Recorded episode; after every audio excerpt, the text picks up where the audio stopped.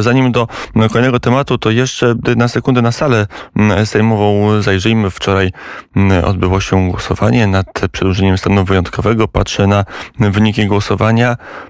No i tak, Prawo i Sprawiedliwość, Klub Parlamentarny Prawa i Sprawiedliwości w całości był za, chociaż trzech posłów było na wagarach. Nie głosowało w Platformie. Przeciw też wszyscy posłowie, poza czwórką, której na sali nie było. Lewica też w całości przeciw.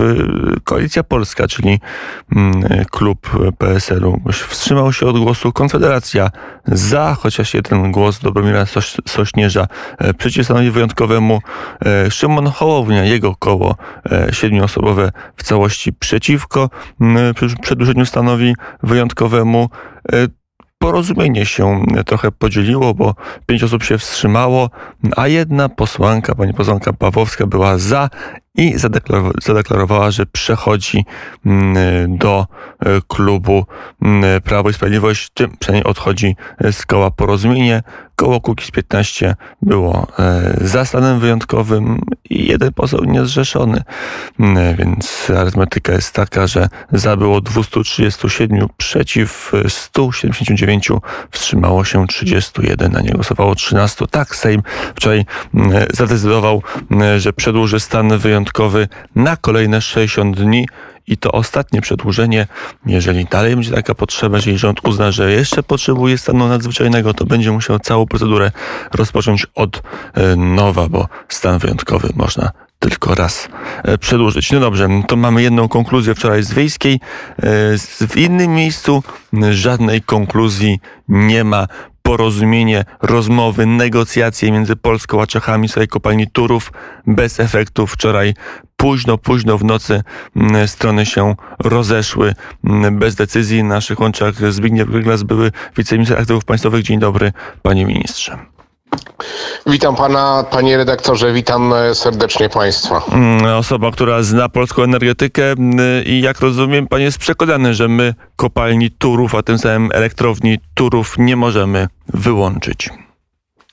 Panie redaktorze, szanowni państwo, nie możemy tego uczynić e, ze względów bezpieczeństwa. E, I tutaj nie chodzi wyłącznie o interesy ekonomiczne, ale, ale takie podstawowe, fundamentalne bezpieczeństwo państwa polskiego, bezpieczeństwo zaopatrzenia w energię elektryczną, w energię cieplną.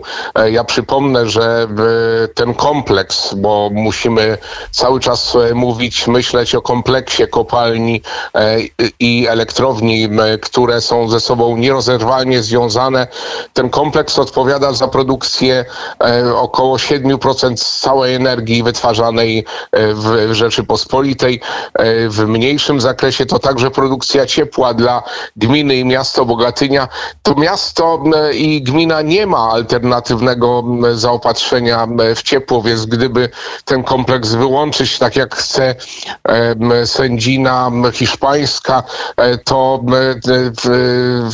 tysiące ludzi byłoby pozbawionych e, ciepła, a nadchodzi sezon zimowy. Kwestie bezpieczeństwa są fundamentalne dla każdego państwa i nie mogą być przedmiotem e, arbitralnych e, decyzji.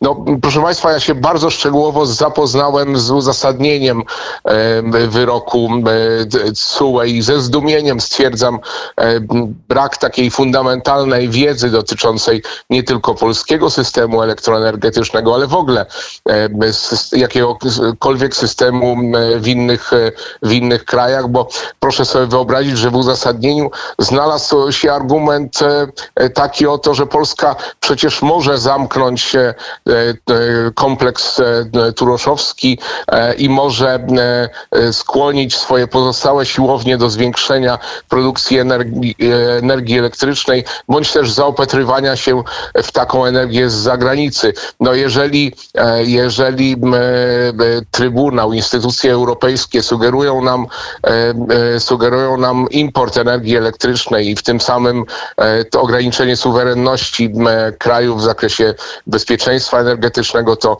e, to jest to niepoważne traktowanie dużego kraju e, Unii Europejskiej. Wracając do tych rozmów, które zostały, do negocjacji, które zostały zerwane przez stronę czeską, bo w istocie mieliśmy do czynienia z, z jednostronnym zerwaniem tych rozmów przez Czechów. No, Polska przedstawiła bardzo dobrą ofertę stronie czeskiej. Ta oferta to konkretne pieniądze, konkretne kwoty, które miały zostać zainwestowane w system, w system gospodarki wodnej w kraju liberackim.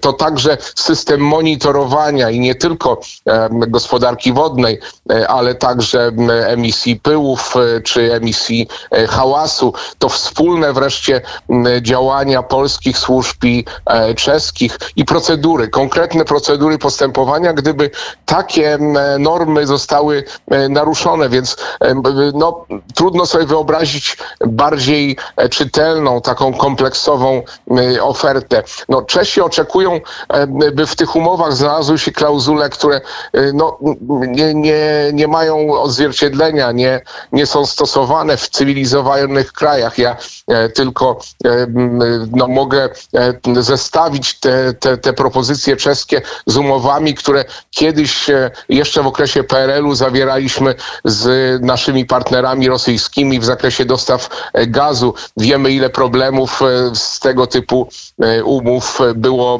w przyszłości, w przeszłości, więc no nie możemy zgodzić się na, na, takie, na taki dyktat. My chcemy umówić się na konkretne działania i chcemy rozliczyć się z tych działań, ale to nie może być kwestia otwarta, bo Czesi chcieliby pozostawić tą kwestię otwartą, chcieliby mieć możliwość formułowania kolejnych żądań wobec strony polskiej. Jeżeli umówimy się po partnersku na realizację pewnych działań, to powinny one być uznane za wystarczające. Ale to jeżeli tak, na sekundę zajrzyjmy za kulisy tych rozmów. Czy, czego chcą Czesi? Dlaczego te rozmowy wczoraj w nocy zostały po raz kolejny zerwane czy, czy przerwane? Polska sama mówi o kolejnych absurdalnych żądaniach Czechów. Czego chce Praga od Polski?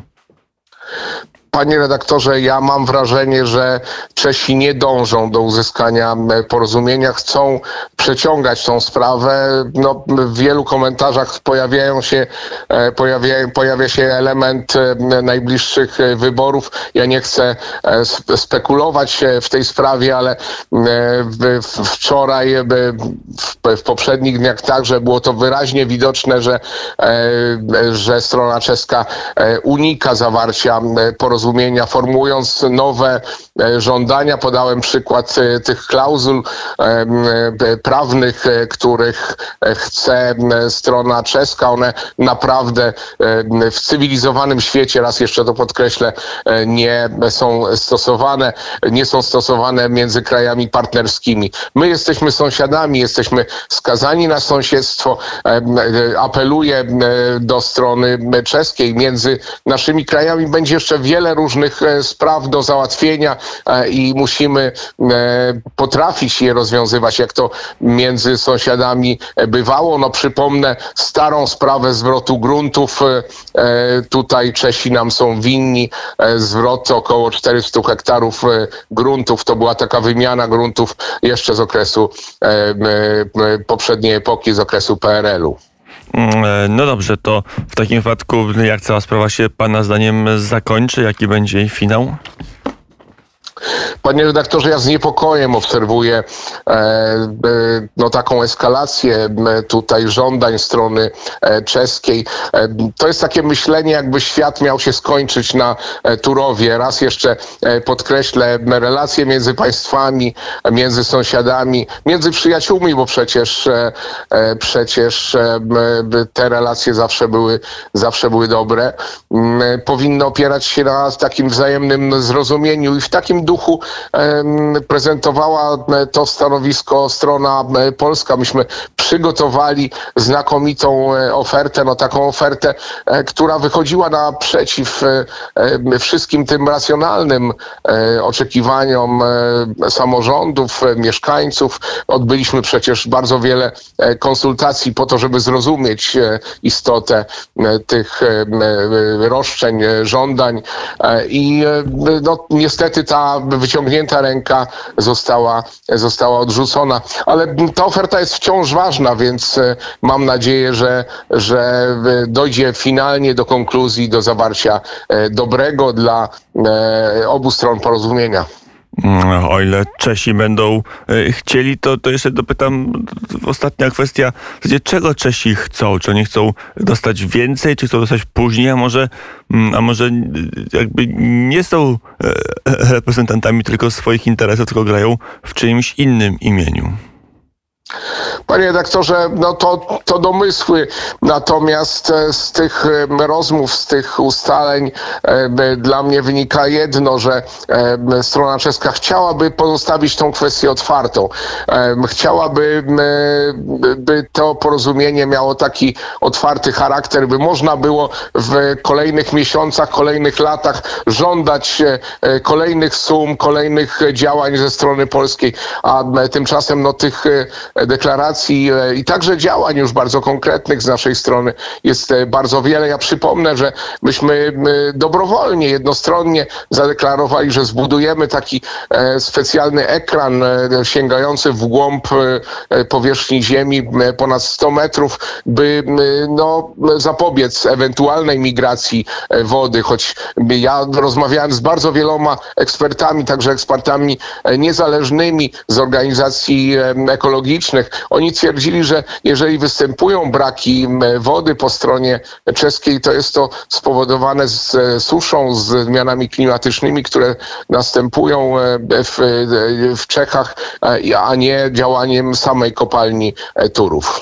Mm, Powiedział Zbigniew Gryglas, były wiceminister aktywów państwowych. Dziękuję bardzo za rozmowę i do usłyszenia. Dziękuję serdecznie Państwa, pozdrawiam i życzę miłego dnia. Mm, I mam nadzieję, że taki będzie. My e, za chwilę w ramach rzeczy miłych lub niemiłych przeniesiemy się na salę mm, sejmową i będziemy przeżywać wczorajsze mm, emocje, ale zanim to nastąpi, to najpierw e, zagra e, zespół Manam.